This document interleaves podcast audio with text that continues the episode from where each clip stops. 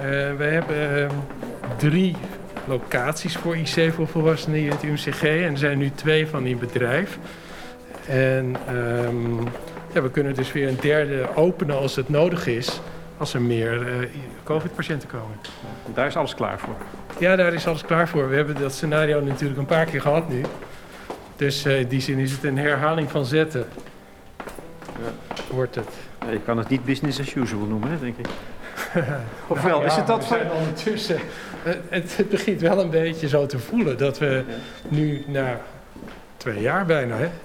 Twee jaar, ja. Uh, wordt het een soort van business as usual. Maar nee, maar weet je, verpleging en dokters zijn natuurlijk opgeleid om allerlei soorten IC-patiënten te zien en niet alleen maar COVID-patiënten. En we willen natuurlijk heel graag die andere zorg ook weer op de afdeling zien.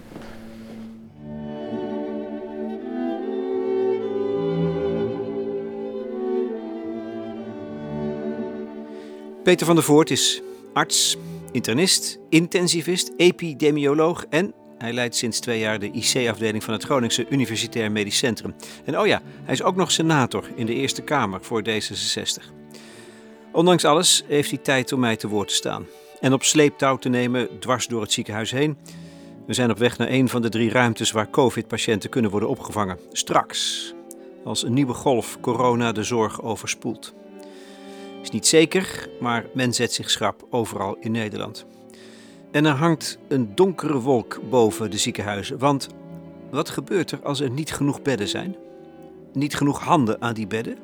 Dan volgt triage. Dat wil niemand. Dan zal er gekozen moeten worden. Wie nemen we wel op, wie niet? Hoe bepaal je dat? Daarover wil ik graag met Van der Voort praten. Maar eerst even een update. Wat is eigenlijk de stand van zaken aan het begin van het nieuwe jaar? Ja, we hebben nu op dit moment een afnemend aantal COVID-patiënten op de IC. Dus dat is heel fijn en dat geeft ook een beetje ontspanning voor iedereen, verpleging met name. Uh, en het is natuurlijk ook een beetje uh, nog kerst en, en, feestdagen tijd. Dus het is allemaal nu wat relaxter, gelukkig. En dat is ook belangrijk. Hè? Dat als je een tijdje heel druk gehad hebt, dat er daarna ook weer even wat ontspanning kan komen. Dus dat is heel fijn nu. En jullie zitten wel in, in, in een soort nou ja, angstige afwachting voor wat er deze maand gaat gebeuren? Ook qua organisatie? Ja, angst, angst. We zijn nooit zo belangrijk aangelegd. Maar het is wel zo dat we, uh, dat we natuurlijk onzekerheid hebben over wat er nu gaat komen. De komende weken met uh, Omicron en hoeveel IC-opnames dat gaat geven. Ja, dat is wel uh, spannend, ja. Ja, we hebben... We gaan naar de we eerste gaan naar ja, okay. ja. Liggen er nu eigenlijk alleen COVID-19 patiënten op de, op de IC-afdelingen? Nee, nee, nee. We hebben nu weer een overgrote deel aan uh, andere zorg. Dus van de, ja, we hebben, uh, uh, ja, nu is het grootste deel weer non-COVID-zorg, gelukkig. Ja, dat is grappig. Dat, dat wist ik helemaal niet. Ik dacht dat het nog steeds gedomineerd zou worden door COVID ja, daarom is het ook zo belangrijk dat wij vanuit de ziekenhuizen ook gewoon blijven vertellen hoe het is en wat er gaande is. Omdat mensen zich daar geen voorstelling van kunnen maken natuurlijk als je er niet werkt. Ja. Want ik las in De Groene een stuk van twee, een interview met twee verpleegkundigen, IC-verpleegkundigen, gespecialiseerd. En die benadrukt nog eens een keer hoe ongelooflijk het zwaar het werk is voor hen. Ja. Nee, dat klopt. Het is uh, natuurlijk op allerlei manieren is het zwaar. Eén, omdat het, uh, ja, we hebben het anders georganiseerd dan anders. En uh, de patiënten zijn op zichzelf zwaar en langdurige behandeling. Het is fysiek dus zwaar, het is mentaal zwaar. De, de aandacht die er vanuit de samenleving alsmaar is, die geeft natuurlijk ook een bepaalde druk. Ja, het is gewoon zwaar voor iedereen. Waarom, waarom geeft dat druk, die aandacht? Nou, er wordt toch de hele tijd op je, op je vingers gekeken. En uh, of je wel uh, voldoende doet met elkaar. Want uh, ja, kan het niet nog een beetje extra? en is de hele dag aandacht voor? Ja, dat, dat, dat telt toch mee. Heb jij het idee dat er te weinig echte betrokkenheid is? En zo van het begin, je zei het net, bijna twee jaar geleden. Toen was er applaus, het wordt vaker gememoreerd. Dat is heel snel weggeëpt ervaren uh, mensen die hier werken niet alsof ze in de steek zijn gelaten? Nee, dat, dat idee heb ik niet. Uh, het is natuurlijk wel veranderd. En het, uh, het moet natuurlijk ook veranderen. Na twee jaar is het natuurlijk ook anders dan twee jaar geleden, maar uh, We gaan nu de ingang van de intensive care door. ja, dit is ICV 3. Dus ik krijg, we hebben drie locaties voor die IC. Deze staat op dit moment eh, leeg, omdat het aantal COVID-patiënten nu is afgenomen. Hier zo eh, hebben we eerder eh, COVID-patiënten gehad. Maar nu zijn die er minder. Dus dit staat helemaal in gereedheid om weer patiënten te ontvangen. Hoeveel bedden zijn het? Een stuk of zes? Dit zijn er 13. Het loopt 13. nog zo rond. 13 Ja. achter elkaar. Allemaal leeg. Geen bedrijvigheid. Hier mogen we misschien even het mondkapje afdoen. Dat is misschien niet Ja, zo... hier kunnen we, als we ietsje verderop gaan staan, hebben we ook geen last van dit geluid. Ja, ja. We gaan deze IC ehm, binnen een paar dagen weer open doen voor de niet-COVID-patiënten. Eh, dus daarmee kunnen we weer een heleboel eh, patiënten naar hartoperaties en naar grote eh, kankeroperaties kunnen we hier dan weer ontvangen. Weer zeg je, maar en, en dat, is dus, dat is dus alweer bezig, dat herstel, hè? Die, die, die, of die inhaalslag die er gemaakt moest worden, al een tijdje. Ja, wij, wij, wij proberen zo gauw de aantallen COVID-patiënten dalen, meteen dat op te vullen door niet-COVID-patiënten extra te doen. Maar ja, extra, het is helemaal geen sprake van extra. We proberen weer naar onze normale productie te gaan. Want je vraagt je dan af, wat is er dan in die tussentijd met hen gebeurd, hè? Met al die mensen. Ja, Ik had eigenlijk ook heel veel slachtoffers ge- ge- ge- ge- gevraagd, waar we niets van weten. Ja, ze zijn inderdaad niet meteen in beeld. Althans, eh, voor, voor mij niet. Want het zijn mensen die thuis zitten en die wachten. En ehm, ja, het is een hele goede vraag wat daarmee gebeurd is. En hoeveel, hoeveel schade dat opgeleverd heeft. Ja, Dat weten we niet. Ik weet het ook niet. Nou, wat ik zei, het is nu nog even vakantietijd. Dus de, ook de, eh, het personeel van de operatiekamers is op vakantie. Dus die kunnen nu ook niet eh, extra gaan doen. Maar vanaf volgende week dan gaan we zo gauw mogelijk, zoveel mogelijk doen. Ja, totdat de Omicron weer komt.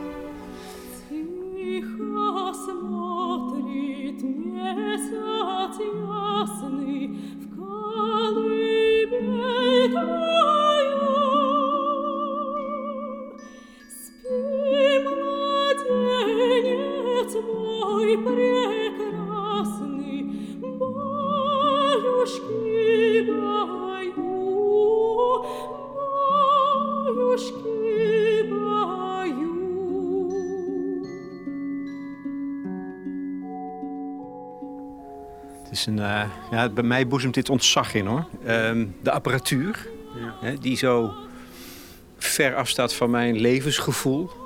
Ehm, die, die hoogwaardige technologie. En je weet dat hier de dood straks dichtbij is. Nu nog niks. Dat lijkt me wonderlijk, dat besef. Ja, we zijn natuurlijk eh, op de IC ge- aan gewend geraakt. Maar je hebt helemaal gelijk dat, dat leven en dood heel dicht bij elkaar zitten op de IC. Normaal gesproken van, van alle patiënten die de IC binnenkomen... gaat ongeveer 12% overlijden. Maar in de, eh, bij de coronapatiënten is dat ongeveer een kwart, dus 25%. Nou ja, en, en je weet het van tevoren niet. Hè? Dus als er tien eh, patiënten binnenkomen... eh, je weet dat er een aantal gaan overlijden. En wie dat zijn, dat weet je van tevoren niet. Dus dat is, ja, het is heel erg onzeker voor met name de familie natuurlijk daaromheen. En wij zijn natuurlijk gewend geraakt om met die onzekerheid om te gaan. Maar je hebt helemaal gelijk dat dat, eh, ja, dat, dat, dat, is, dat is heel heftig.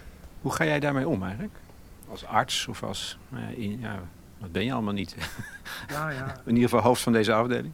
als, als arts, maar als arts maak je toch wel een soort eh, afstand bouw je toch in, terwijl je toch natuurlijk heel betrokken bent. Ehm, maar je, je moet het leed niet de hele dag met je meedragen en mee naar huis nemen, omdat je dan het vak niet vol kan houden. Maar ik moet je wel zeggen dat ik nu na 25 jaar in het vak, dat ik wel merk dat die emotionele belasting die ik al die 25 jaar gehad heb van al die patiënten die eh, niet goed gingen, dat, ehm, dat tikt wel aan, ja.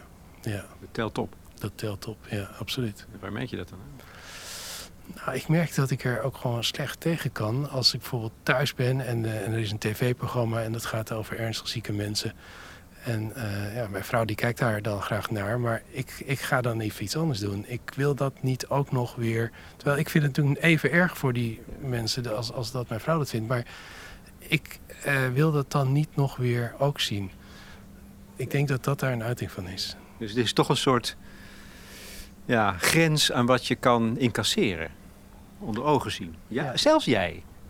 ja, ja, dat is. En ik ben daar op zich natuurlijk wel blij om, want dat geeft toch wel aan dat er ook nog een eh, stukje mens in mij zit. ja, maar het is wel, het is wel een, een item. En eh, ik denk dat we met elkaar heel erg stoer zijn. En eh, ja, we maken iets heel verschrikkelijks mee hier. En de volgende dag gaan we gewoon weer met de volgende patiënt aan de slag.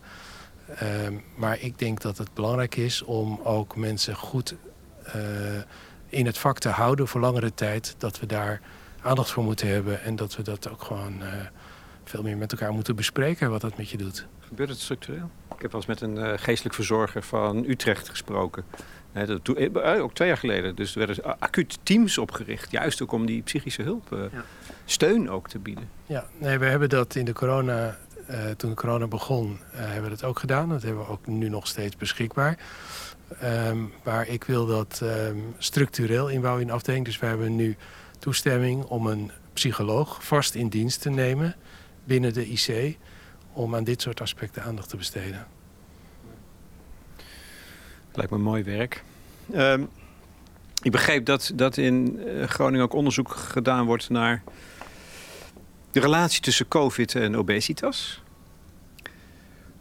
Ik heb daar twee vragen over. Eén, de eerste vraag is: ehm, eh, zijn, klopt het dat de meeste patiënten die op de IC terechtkomen ongevaccineerd zijn? Ja, dat is nog steeds zo. Je ziet wel dat er ook gevaccineerden zijn. Maar grosso modo eh, is het merendeel nog steeds ongevaccineerd. Hoe groot zijn die percentages, weet je dat? Ja, ik, ik, eh, kijk, als je dat van één afdeling meet, dan is dat natuurlijk niet zulke betrouwbare cijfers. Want als er maar eh, twee patiënten meer of minder gevaccineerd of ongevaccineerd bijkomen, dan verschilt die percentage meteen. Maar, maar je moet, eh, in mijn beleving is het zo- zo'n beetje 60, 70 procent is, ge- is eh, ongevaccineerd. Dus laten we zeggen, twee derde is ongevaccineerd. En de tweede vraag is: ehm, hoeveel van hen lijden aan overgewicht? Dat is ook ongeveer, nou dat is meer zelfs, dat is eh 75 à 80 procent. Die hebben een, een, een BMI boven 25. Ehm, en, en als je ook kijkt naar de landelijke cijfers, dan is de gemiddelde BMI van alle COVID-patiënten op de IC in Nederland, die is over de, over de twee jaar toegenomen. Die is van 28 naar boven de 30 gegaan. Ze worden steeds zwaarder. Dus. Ja, dus gemiddeld gesproken worden de COVID-patiënten steeds zwaarder. Wat betekent dat? Ja, wij denken dat dat vetweefsel echt een rol heeft in het ernstiger maken van het ziektebeloop. Dus dat dat vet op de een of andere manier een versterker is van het ziektebeloop. En dat maakt dan dat je vaker op de intensive care terechtkomt. Dat is volgens mij waar jullie onderzoek naar doen. Hè? Ja. Ik begreep dat er een hormoon een rol bij zou spelen. Lep- leptine, dacht ik. Ja, dat was eh, in de eerste kleine groep hebben we gevonden dat de leptinespiegel hoger waren. Maar we hebben nu, en er zijn ook andere onderzoeksgroepen die dat ook hebben gedaan, net als wij, in grotere groepen gekeken naar allerlei hormonen die door vetweefsel gemaakt worden. En daar zie je toch niet zo'n heel duidelijk eh, beeld. Dus, terwijl nog steeds de hypothese is dat, dat vetweefsel een versterker is. Maar je kan het niet aan één hormoon eh, toewijzen. Dus, dus dat is nog steeds een puzzel die niet, niet helemaal gelegd is. Dus jullie weten het nog niet. Je weet eigenlijk niet wat de oorzaak is van, van het feit dat sommige mensen dus wel ernstig ziek worden en hier terechtkomen. En anderen niet. Nee, nee, dat klopt. Dat is het rad van fortuin. Nou, eh, dus niet helemaal, want dat vetweefsel, dat is dat één van. Maar je ziet dus ook dat andere groepen eh, meer risico hebben, met name de ouderen. Dus op een gegeven moment, als de leeftijd hoger wordt, wordt het risico eh, groter. Maar, ook al, maar dan speelt overgewicht een steeds minder belangrijke rol. Dus als je ouder bent, dan kan je ook zo ernstig ziek worden met minder of, of geen overgewicht. En ehm, een andere groep die at risk is, dat zijn de zwangeren.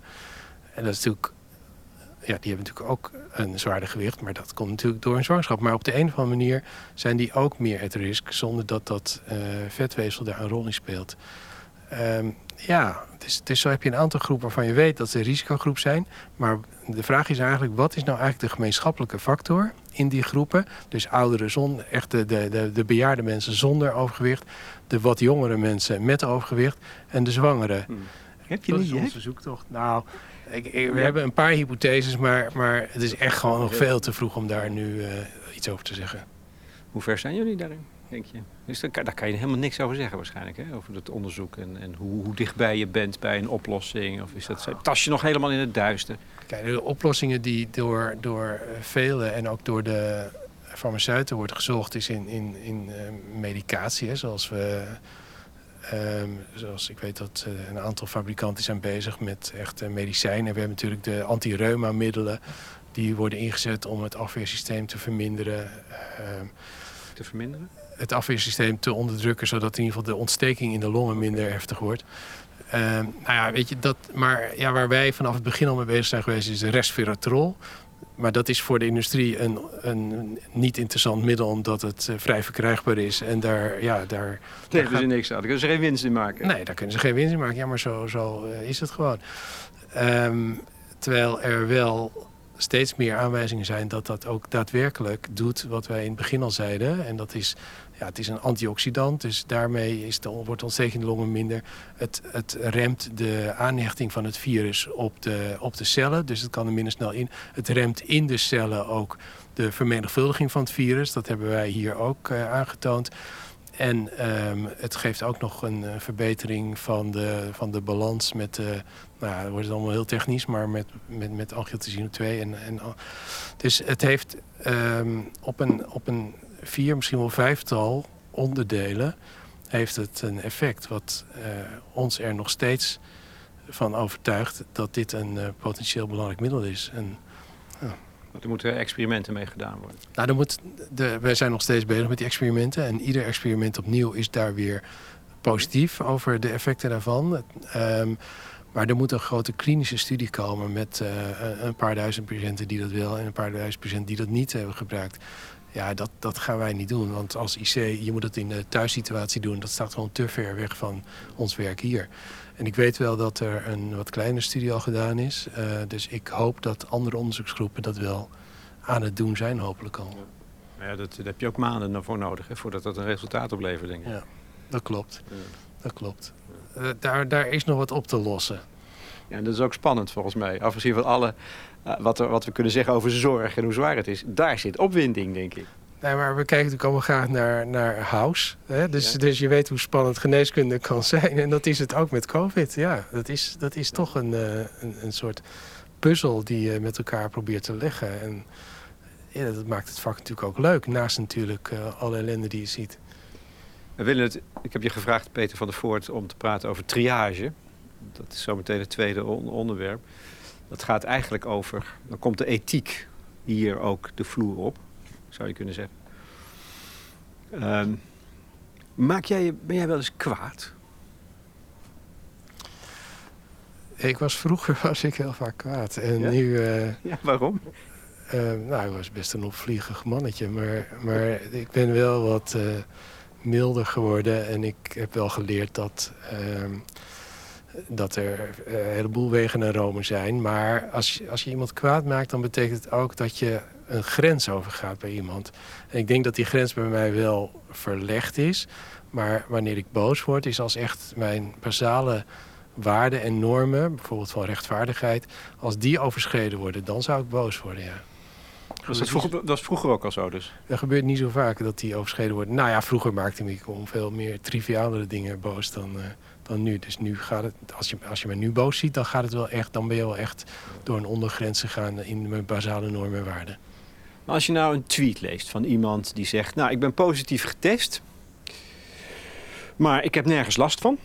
Dus ik ga vanavond naar de anti-coronamaatregelen demonstratie. Ja. Wat denk jij dan?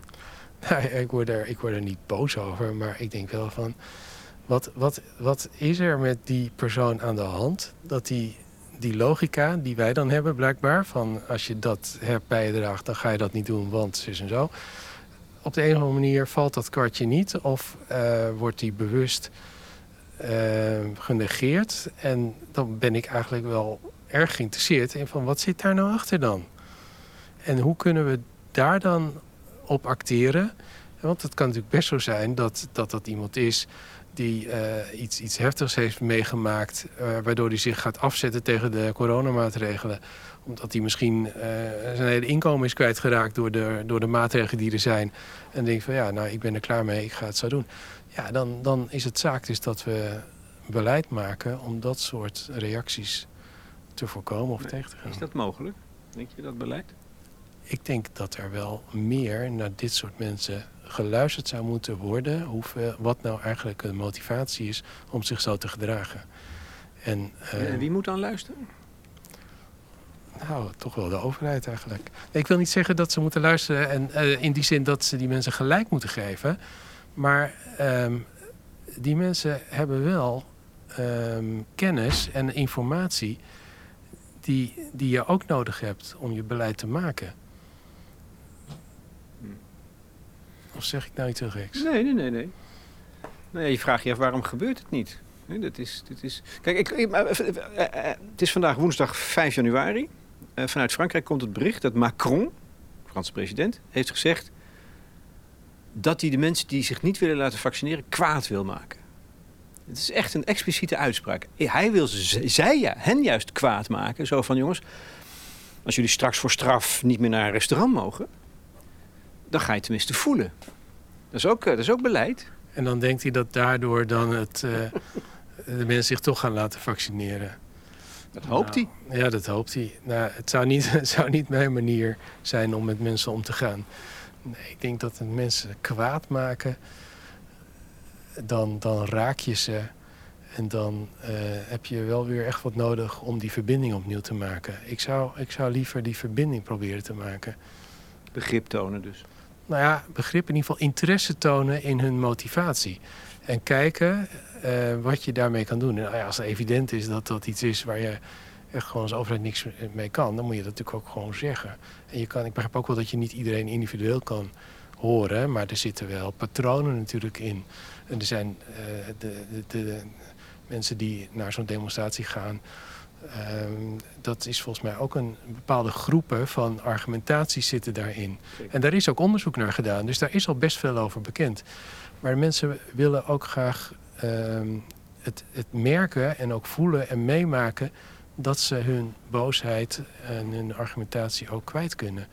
Volgens mij is het ongenoegen zo breed ondertussen in de, in de samenleving dat je daar niet meer omheen kan. En dat kan je niet meer met een eh, hele, hele hiërarchische beleidslijn overtroeven. היכל עיר נדם ופתע, ונשתת כושוקי פרס, ורק שמה קלרינטה, וקול כינור וקונטרבס, מלחשים אל תתלבטה, ושקט שקט הס. אמנם רדפנו הבלים, אבל הנה הראש ירקנו עם כתר Normale habitat. dus ik voel me hier thuis. Ja, ik helemaal niet, zal ik je bekennen. Ik word altijd een beetje onheimisch, dit voor mij. Nou ja, Ja, nou ja, ehm, ik weet eh, hoeveel je ook kan betekenen voor mensen hier hè, op de IC. Want ze zijn eh, eh, op sterven na dood. In feite geldt dat voor iedereen die de IC opkomt. En je kan dus ontzettend veel goed be- betekenen voor die patiënten en hun familie. En ook als mensen overlijden, dan is dat, ik zeg altijd, eh, vooral tegen de jongere dokters, eh, sterven is niet altijd de slechtste uitkomst. Voor sommige patiënten ehm, is dat beter dan dan, dan voortmodderen op, in een leven wat ze eigenlijk niet meer willen leven. Nou ja, en dan kan je dus toch heel veel voor mensen betekenen en voor de familie vooral ook. je, zegt nu, je je spreekt nu een taboe uit, hè? Dat sterven soms de betere oplossing is, of niet de slechtste uitkomst. Is dat iets om langzamerhand aan te gaan wennen aan dat idee? Nou, het, het, het gekke is dat ehm, het is misschien ehm, een taboe in, in jouw ogen, maar ik merk dat als je met patiënten en met familie ook, want ik spreek hier vooral met familie, praat over dit soort dingen, dat het helemaal niet zo taboe is. Je kan er heel goed over praten met, eh, met, met Nederlanders in ieder geval. Ik weet dat in andere landen, en dat merken we hier natuurlijk ook als we patiënten hebben uit andere landen, andere culturen, verschilt dat wel. Maar, maar Nederlanders kunnen daar heel goed over praten. Dus voor mijn gevoel is het geen taboe. Ehm, in ieder geval niet in, de, zeg maar, in die in- intieme sfeer die je hebt als arts met je patiënt en je familie. Nou, dat kan ik me voorstellen, omdat het dan kennelijk zo concreet is geworden. Terwijl in abstracto, als we erover debatteren, het wordt vaak gezegd: waarom zijn de, de kosten voor de zorg zo hoog? Omdat we dat leven maar ten koste van elke prijs, we, zeg ik, willen rekken. We zijn dan en de medici, en de, de familieleden, en de, Ja. de, de, de patiënten zelf. Ik, ik denk dat het in Nederland meevalt, maar ik ben het er wel mee eens. Dat willen we de kosten voor de zorg de komende decennia houdbaar houden. Dat je wel vaker, dat we meer keuzes moeten maken. Wat doen we nog wel en wat doen we niet meer. En daar heeft de overheid een rol in, daar hebben de een rol in. En daar heeft ook gewoon de gewone burger een rol in. Ehm, en, en zelf wij zijn daar als intensivisten zijn we daarin getraind. Want wij worden heel vaak gevraagd bij patiënten elders in het ziekenhuis... wil je die opnemen op de IC? En dan, ja, dan beschouwen wij de casus en dan denken wij... poeh, daar, daar, ja, dat, dat gaat gewoon echt niet meer lukken... om deze persoon nog een, een menselijk leven te geven ehm, na een IC-behandeling. Dus wij zijn heel vaak in gesprek met onze collega's in het ziekenhuis... van is dit nog zinvol om te doen? En eh, dat vinden ze ook prettig om met ons dat gesprek aan te gaan. Omdat zij natuurlijk zelf een hele nauwe band met die patiënten hebben. En, en ook zeg maar meegaan. Je zit op een gegeven moment in een behandelmodus met elkaar. En is het fijn als je daar even met iemand die er buiten staat... even reëel de kans op een rij kan zetten. En daar komen we ook eigenlijk altijd goed uit met elkaar. Wat nog wel, en soms overtuigen zij ons en soms overtuigen wij hen. En de familie die eh, eh, volgt daar bijna altijd in. Is het dan zo dat je dat eigenlijk, als je, als je, als je medisch geschoold bent, dan, gaat het, dan ben je gericht op het, redden van het leven. Dus er kan een moment komen, dat komt natuurlijk altijd een keer, dat je dat niet meer kan, dat moet je toegeven. En, en gaat het er dan over dat je, dat, dat mag? Hè? Dat- Dat, er een, dat er een soort ehm, ruimte komt om te denken, ja, maar ik mag ook zo denken. In plaats van ten koste van elke prijs doorgaan. Ja, maar dat, dat zit wel echt in intensivisten. Dat ze voor iedere patiënt die binnenkomt weet je van ja, dit is onzeker of dit goed af gaat lopen. En natuurlijk is het zo dat als je een routine hartoperatie gehad hebt en je komt een nachtje op de IC, ja, dan, dan vinden wij ook ieder overlijden, dat kan niet. Daar moet de mortaliteit, de sterfte op de IC moet gewoon nul zijn. Ehm, maar het gaat eventjes over andersoortige patiënten die binnenkomen met een ernstige infectie of met eh, of na een, een groot hartinfarct of eh, eh, dat soort dingen. Dan, ja, dan weet je al van tevoren, ehm, de kans is reëel dat deze pati- patiënt gaat overlijden. En we zijn dus ook iedere dag bezig bij iedere patiënt om in te schatten van is het nog zinvol om hiermee door te gaan. Je moet je ook voorstellen dat voor patiënten een enorme belasting is om op die IC behandeld te worden. Er is angst, pijn, eh, onzekerheid, afhankelijkheid. Echt vol, volmaakte afhankelijkheid is er. En ehm, eh, er zijn ook veel patiënten die daar na ontslag van IC nog heel langdurig last van hebben. Van, van dat eh, traumatiserende gebeurtenis. En dat realiseren wij ons als intensivisten meer dan wie dan ook. En dat calculeren we ook vaak al van tevoren in, in het gesprek van is het nog zinvol om naar die zee te gaan of niet. Daar eh, tellen we dat al in mee. En dat bespreken we dan met patiënt, familie en behandelaars. Maar goed, voor ons is het dus gewoon aan de orde van de dag om je af te vragen: is het nog zinvol om verder te behandelen of niet? Medisch zinvol. Nou, dit is natuurlijk een, een, een geweldige introductie voor het onderwerp van triage. Triage ten aanzien van COVID. Ehm, ja, ik ben bijna geneigd om de vraag zo te formuleren. Ka- Kan je dus, kan je dus iets leren van ehm, een, een, een, een te grote golf coronapatiënten, waardoor dat, dat, dat de noodzaak om, om, om triage toe te passen des te sterker wordt? Dat is, wel heel, dat is misschien een beetje wonderlijk geformuleerd, maar... Nee, maar eh, we hebben hier zeker wat van geleerd. Want wat ik zei, wij zijn dus gewend als intensivisten om iedere dag weer die keuzes te maken. Dus het selecteren van patiënten, dat is, dat, dat is ons normale werk. En als je dan kijkt naar eh, de golf COVID-patiënten, dan is het eigenlijk voor het eerst dat ook anderen zich daar heel bewust van zijn geworden dat dat een proces is wat bestaat en wat ook nodig is. En, en ik denk dat heel veel mensen, maar ook collega's, zich niet hebben gerealiseerd dat dat al ons eh, dagelijks werk is. Maar goed, daar zit natuurlijk een grens aan. Op een goed moment heb je eh, patiënten waarvan je denkt als intensivist... ja, dit is zinvol om te doen, dus dat wil ik graag doen. Maar als je dan niet genoeg eh, bedden hebt of, of, of verpleegkundigen om dat beleid uit te voeren... Ja, dan wordt het natuurlijk een, eh, een hele eh, vervelende zaak. Ook voor, voor jou als intensivist. Want dan selecteer je niet meer op basis van wat zinvol is... en wat je dus als, eh, goede, als behandelaar goede zorg vindt. Maar dan moet je selecteren op basis van logistieke overwegingen. Ja, dan wordt het natuurlijk... Dat voelt wel heel anders. Want tot nog toe klinkt het heel rationeel, hè? zoals je het uitlegt nu. Heel prettig ook. Dan snap je het. Tegelijkertijd weet ik dat die, de, noodzaak van triage als een soort donderwolk, als een angstscenario, boven de hoofden van bijna iedereen in de zorg heeft eh, gehangen. Vanaf het begin. Toen waren mensen echt in paniek van, jeetje, straks moeten we dat gaan doen. En we zijn er al mee bezig. Dus, dus dat is helemaal niet meer rationeel. Dat komt Ehm, hierdoor dan. Nou ja, ja eh, eh, ik weet niet bij wie die paniek dan zat. Het is wel zo dat wij ehm, als intensivisten daar bepaald niet naar uitkeken, naar dat moment. En, en, en wat je dan ziet, is dat als dat moment steeds dichterbij komt... dat heb ik ook eh, in december een keertje op tv gezegd... Dat, dat moment kwam steeds dichterbij. En wat je dan ziet aan het gedrag wat je vertoont... en ik denk dat dat een heel normaal fenomeen is... dat je al van tevoren wat strenger gaat selecteren van wie... Ja, want soms heb je wel als mensen die denken van... nou ja, kan het zinvol zijn of niet? Ik weet eigenlijk niet, maar weet je, laten we het proberen. Het voordeel van de twijfel. Voordeel van de twijfel. En dan merk je dat als die, die, die, die echte logistieke schaarste ehm, dreigt... dat je dan die twijfel niet meer geeft. En dat je eigenlijk al veel meer bent gaan selecteren... Ehm, Dat is in feite al gebeurd. eh, Dat is al gebeurd. En dat is, nou ja, dat werd, werd stelligste ontkend door Ernst Kuiper en Hugo de Jonge. Maar, maar het was natuurlijk wel zo, want dat was gewoon eh, niet, niet hier, eh, maar niet alleen hier. In heel Nederland gebeurde dat. Maar dat is ook, het is ook eh, een hele rare gedachte dat je dat in een draaiboek kan opschrijven als een soort van momentum. Vanaf dat moment is er dan triage. Nee, natuurlijk niet. Dat, dat is natuurlijk een, een, een langzaam is een spectrum wat verschuift richting het, het echte kiezen en uiteindelijk loten. Ehm, en, en ik merkte wel aan mijn collega's hier dat dat eh, een zeker ongemak opleverde. Dat, dat er al strenger geselecteerd werd.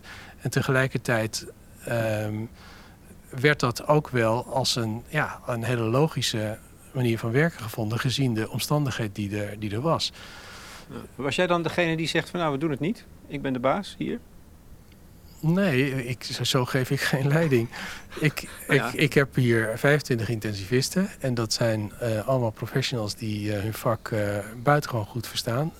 stuk voor stuk. En ik vind dit een, een professionele ruimte die ik mijn intensivisten in vertrouwen geef.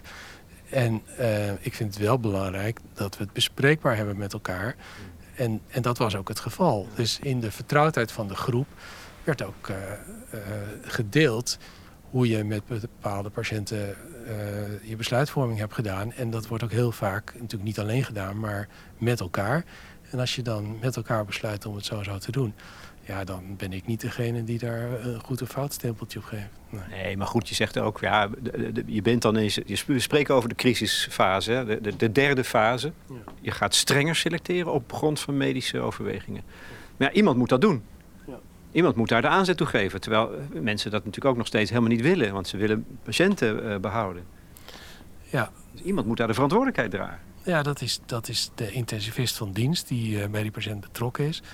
En we zijn hier altijd met minstens twee. Ook s'nachts zijn er twee intensivisten hier. Dus je kan altijd met elkaar overleggen. En ik ben ook altijd bereikbaar als dat nodig is. En zo zijn er nog... ik bedoel, we kunnen altijd elkaar makkelijk vinden. Maar in beginsel is het degene die dienst heeft. En, ehm, maar je voelt wel aan als het alsmaar eh krapper wordt. En, en eh, je ziet ook hoe zwaar de verpleging heeft. En je weet, we, hebben, we kunnen nu echt nog maar één patiënt opnemen.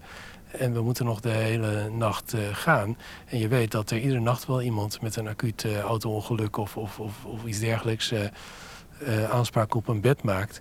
En dan word je gevraagd bij een patiënt waar je denkt van jeetje, die is toch wel al 75 en die heeft al een, eh, uit, een paar keer een hartoperatie gehad of een, eh, nou ja, dat soort dingen allemaal. En Eh, en die heeft ook nog COPD en die heeft dan nu een COVID. En eh, je ziet dat zo'n patiënt toch weinig eh, reserves meer heeft. Ja, hoe ga je dan die afweging maken? En dan, dan, dan valt dat kwartje in zo'n setting, hè, waarin de, waarin de eh, beddenaantallen zo schaars zijn, de beschikbare plekken. Dan ga je dan toch ehm, die, die longarts bijvoorbeeld adviseren om met de familie te bespreken om de IC maar niet te doen.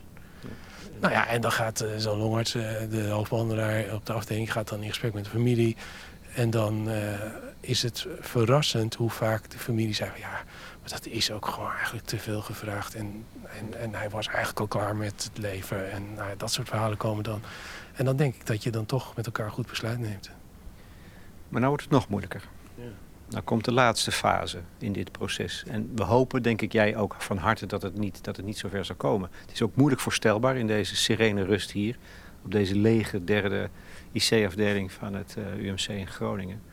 Er komt echt een Omicron-golf die ook tot heel veel ernstige patiënten leidt. Hier liggen alle 13 bedden vol. Nee, er komt er eentje vrij.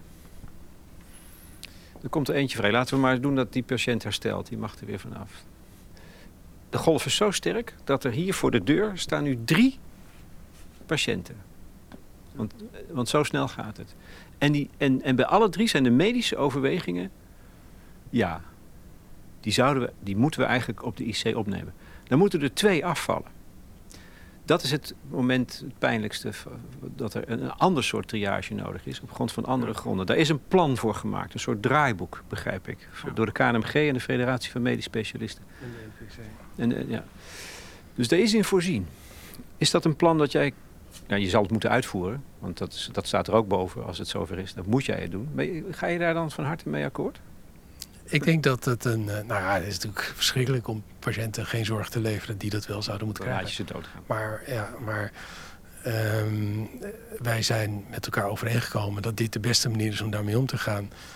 En ik denk, eh, kijk, in die, in die voorfase, dat heb ik verteld, daar heb ik wat meer moeite mee. Want volgens mij is het niet zo zwart-wit, maar dat is een, dat, dat is een, een, een glijdende schaal naar, naar deze fase toe. Maar uiteindelijk, als je in die lotingsfase komt, dan hebben wij dus triagesteams ingericht. En die gaan zonder dat ze de patiënt hebben gezien, maar die gaan loten. Die stoppen de patiënten, hè, want als, als er gezegd wordt, ja, ze zijn eh, even geschikt. ehm, en daar wordt ook naar gekeken. En als dat zo is, dan eh, wordt er geloot. Ja, en die eh, loting is dan de uitkomst. Dus degene die, die bij die patiënt staat, op de eerste hulp bijvoorbeeld, waar ze ligt te wachten, wel of niet. ehm, ja, die kan er ook niks aan doen. Die krijgt te horen welke patiënt eh, door mag naar die C en welke twee er niet door mogen. En, en het feit dat het dan loting is, dat, dat onttrekt aan menselijke verantwoordelijkheid. Hè? Te, te moeten zeggen van jij, ik kies jou en ik kies jou niet. En. Dus, dus je, je, je haalt het eigenlijk onder de ethiek vandaan.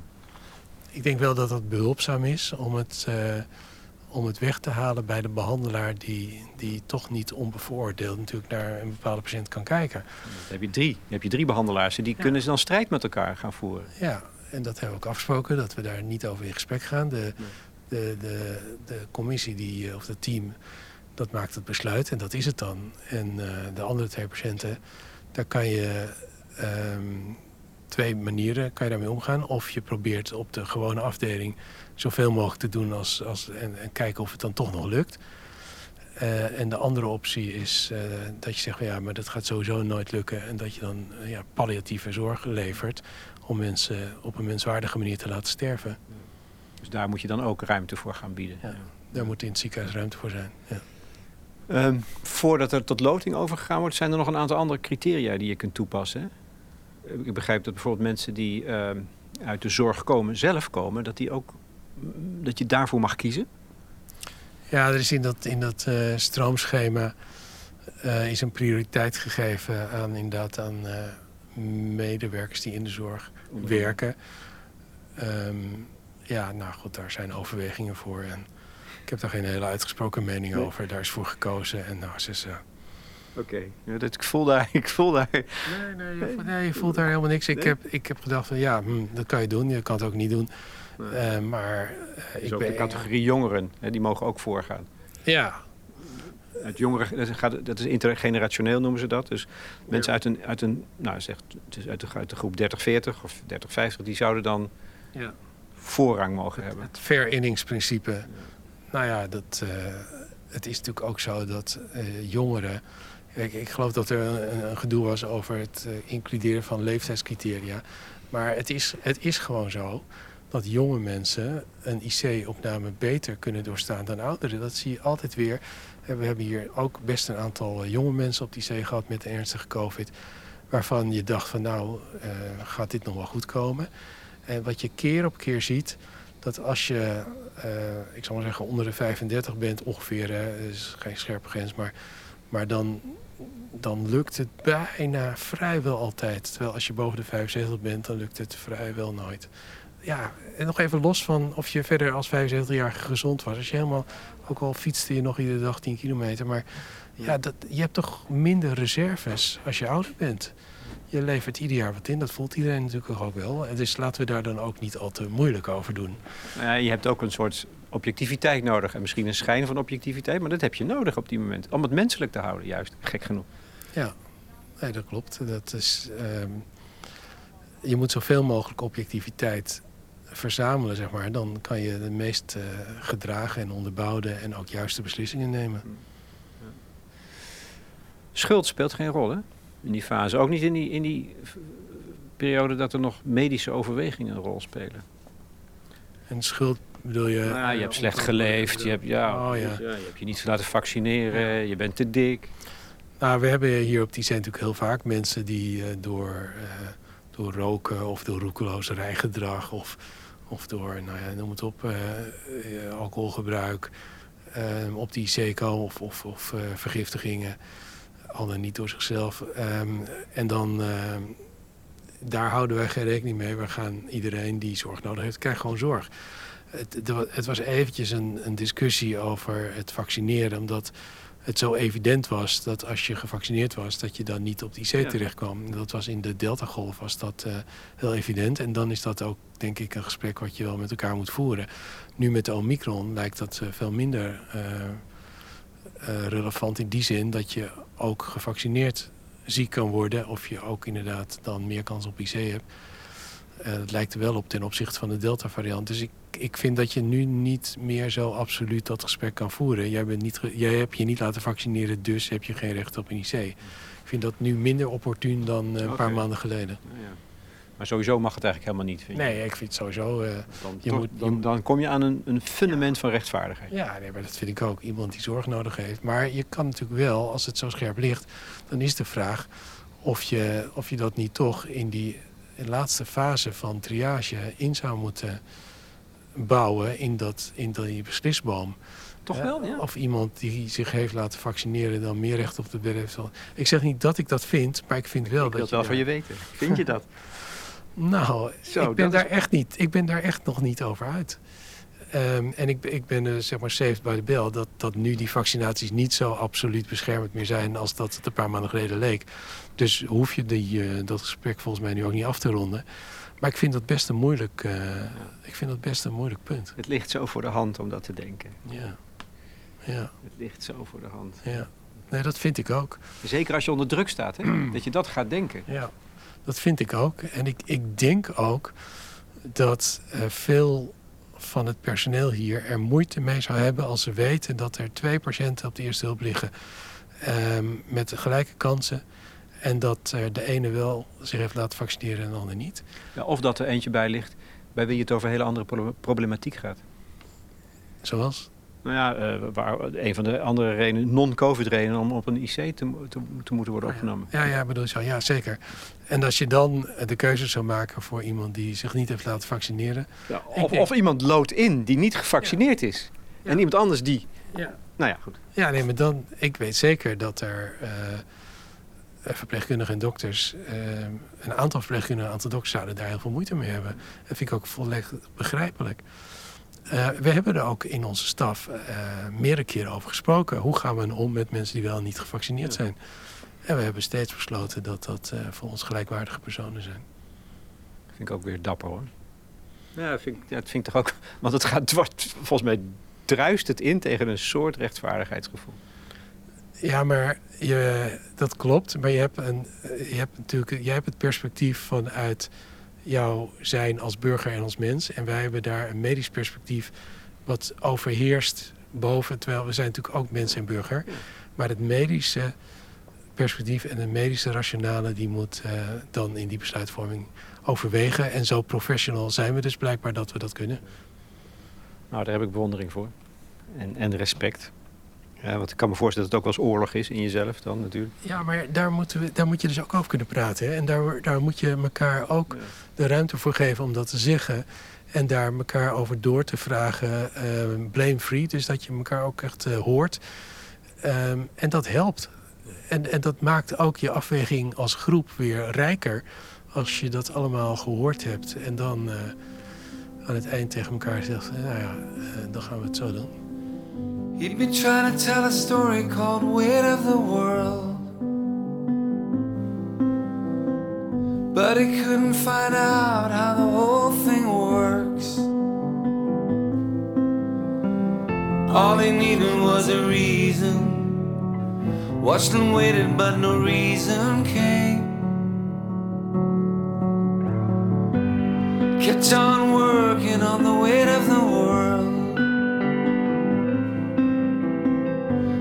Started getting better until it got worse. So he said goodbye. I'm away now, thanks and good night. Verwacht jij het? Dat die komt? Mijn indruk is dat Omicron zit vooral in de hogere luchtwegen. Ja, en ik ben een totale leek, maar ik ben ook iemand die media eh, consumeert. Dus dan, dan ga je dat op een gegeven moment denken. Het zit in de hogere luchtwegen, dus daar verspreidt het zo snel. Het zit veel meer in de longen, de diepe luchtwegen. Dus daarom maakt het minder ernstig ziek. Dus hebben wij, praten wij hier eigenlijk over iets wat hypothetisch is en niet zal gebeuren. Ik, eh, ik hoop het ook heel erg. Toen ik de eerste berichten van de Delta-golf kreeg, dat die zo om zich heen sloeg, toen dacht ik oh, echt wel van, nou, dit, dit wordt wel heel heftig. En dat is het ook geworden. Eh, toen de eerste berichten van de Omicron kwamen, en ik heb er, ik heb er, geen, echt, ik heb er geen echte reden voor. Maar ik heb, ik heb me toen niet zo ongerust gevoeld als bij die Delta-golf. Maar het, het juiste antwoord is van ik weet het gewoon niet. En het zou kunnen. En, en ik, maar ik voel bij mezelf dat ik er daar eh, meer vertrouwen in heb dan toen met Delta Golf. En helemaal in het begin, toen het in China losging. ehm, toen, en daarna in Italië. eh, Toen was ik ook heel erg gealarmeerd. Dat was al begin februari 2020. En toen heb ik het hier ook gezegd tegen, de, tegen degene die hier de microbiologie toen leidde. Ik zei van, ja, ik ben daar... Hij zei van, ah, is Italië. Ik zei van, nou, ik ben er helemaal niet gerust op. En dat was hij ook al heel snel niet meer. Maar ik merkte wel dat ik toen wel een van de eerste was die zich eh, echt zorgen maakte. En terecht. En ik En nu dus niet, dus ook weer dus terecht. niet, hè? Dus, dus, nou, dat weet ik niet. Maar, maar ehm, ik hoop dat ik gelijk krijg dat het mee gaat vallen. Maar er is geen werkelijke reden waarom ik dat zou moeten denken. Voorzichtigheid moeten we betrachten met het, met het wekken van verwachtingen. Wat is jouw advies aan het Nederlandse volk? Aan de overheid en de burgers? Nou, aan de, aan de burgers blijft het echt belangrijk dat we ons aan de basismaatregelen houden. De, de, ik zeg altijd, de besmetting zit in de ontmoeting. Dus je moet zorgen dat je in die ontmoeting niet besmet wordt. En het mooiste is natuurlijk om zoveel mogelijk ontmoetingen te voorkomen. Dus als je elkaar niet hoeft te zien, of als het via een beeld eh, bellen kan, dan moet je dat doen. En, en je moet denk ik echt jongeren niet op bezoek laten gaan bij ouderen. Ehm, want de jongeren die hebben betrekkelijk weinig last van de COVID. Dus, dus scheid dat, eh, dat contact naar zoveel mogelijk. Houd afstand, gebruik eh, maskertjes. En ehm, kijk, je, zou, je zou op allerlei manieren daar nog een aanscherping kunnen maken. Je zou bijvoorbeeld kunnen zeggen, van, nou weet je, als overheid zou je kunnen aanbevelen... eh, beperk die ontmoetingen en dan... eh, niet met vier, maar gaan we met hoogstens één iemand ergens op bezoek, als het, als het al moet. En doe dan in zo'n eh, contact, doe dan een FFP2-masker op. Hè. Dat is zo'n heel strak masker, wat echt wel eh beschermd is. Dat hebben we gezien, dat gebruiken we hier op de IC. En dan loop je echt geen COVID op. Dus dus daar zit echt nog wel, ehm, daar zijn nog mogelijkheden, ook voor de overheid, om het beleid aan te scherpen. En, en, en ik vermoed dat als je dat doet, dat je meer van de samenleving open kan doen zonder dat dat tot eh, grotere ziektelast en zorgvraag leidt. Mag ik je hartelijk danken voor dit eh, heldere, heldere gesprek. Dat toch ook, toch ook wel, ja, ik zeggen, perspectief biedt, laat ik het zo zeggen. Nee, ik, ik ben eh, zeker optimistisch. Ik denk dat wij deze pandemie doorkomen. Ehm, ja, en ik, ik hoop dat heel veel mensen daar ook goed doorkomen. En dat we als samenleving ook eh, zeg maar, sterker eruit komen dan we erin gingen. Dankjewel. Alsjeblieft.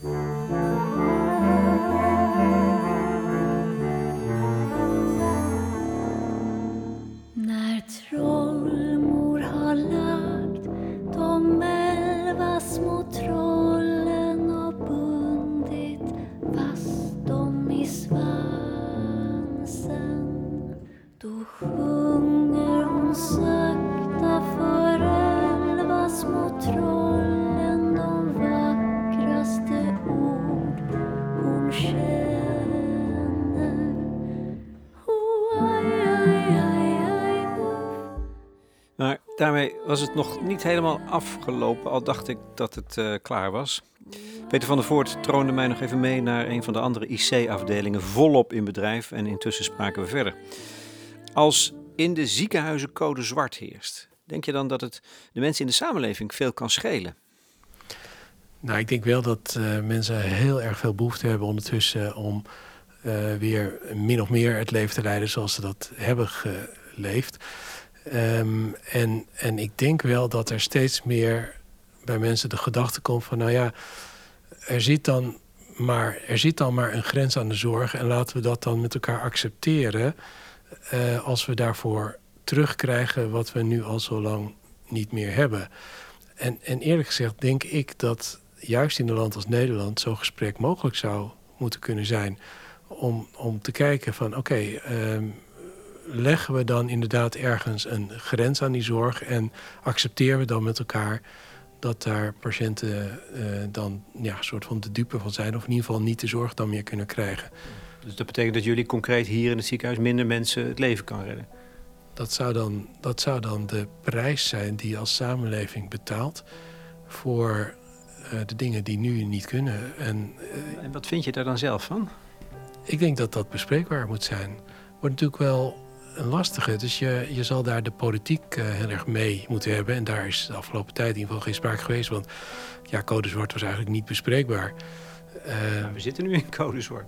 nou, in december hadden we, hebben we geselecteerd in de eerste fases, eh, zoals die code zwart zijn. Nog niet in het, eh, nog niet in het lotingsscenario. Maar ja, ik, eh, ik vind dat een gesprek wat mogelijk zou kunnen zijn. En, en als dat inderdaad mogelijk is, dan vind ik dat wij als medici ons daarin ook moeten mengen. En als het besluit is dat er een beperkte capaciteit is, ja, dan, dan zou ik me daar persoonlijk in kunnen vinden.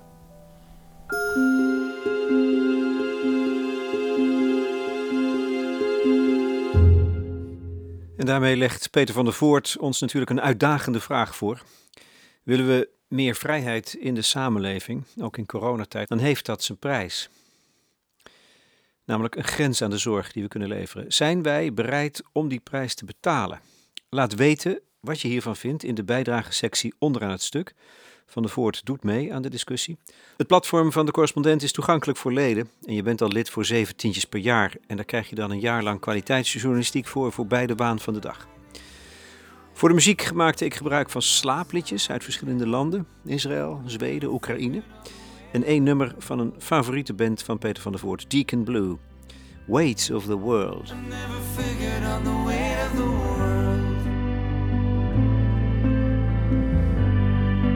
never figured on the weight of the world.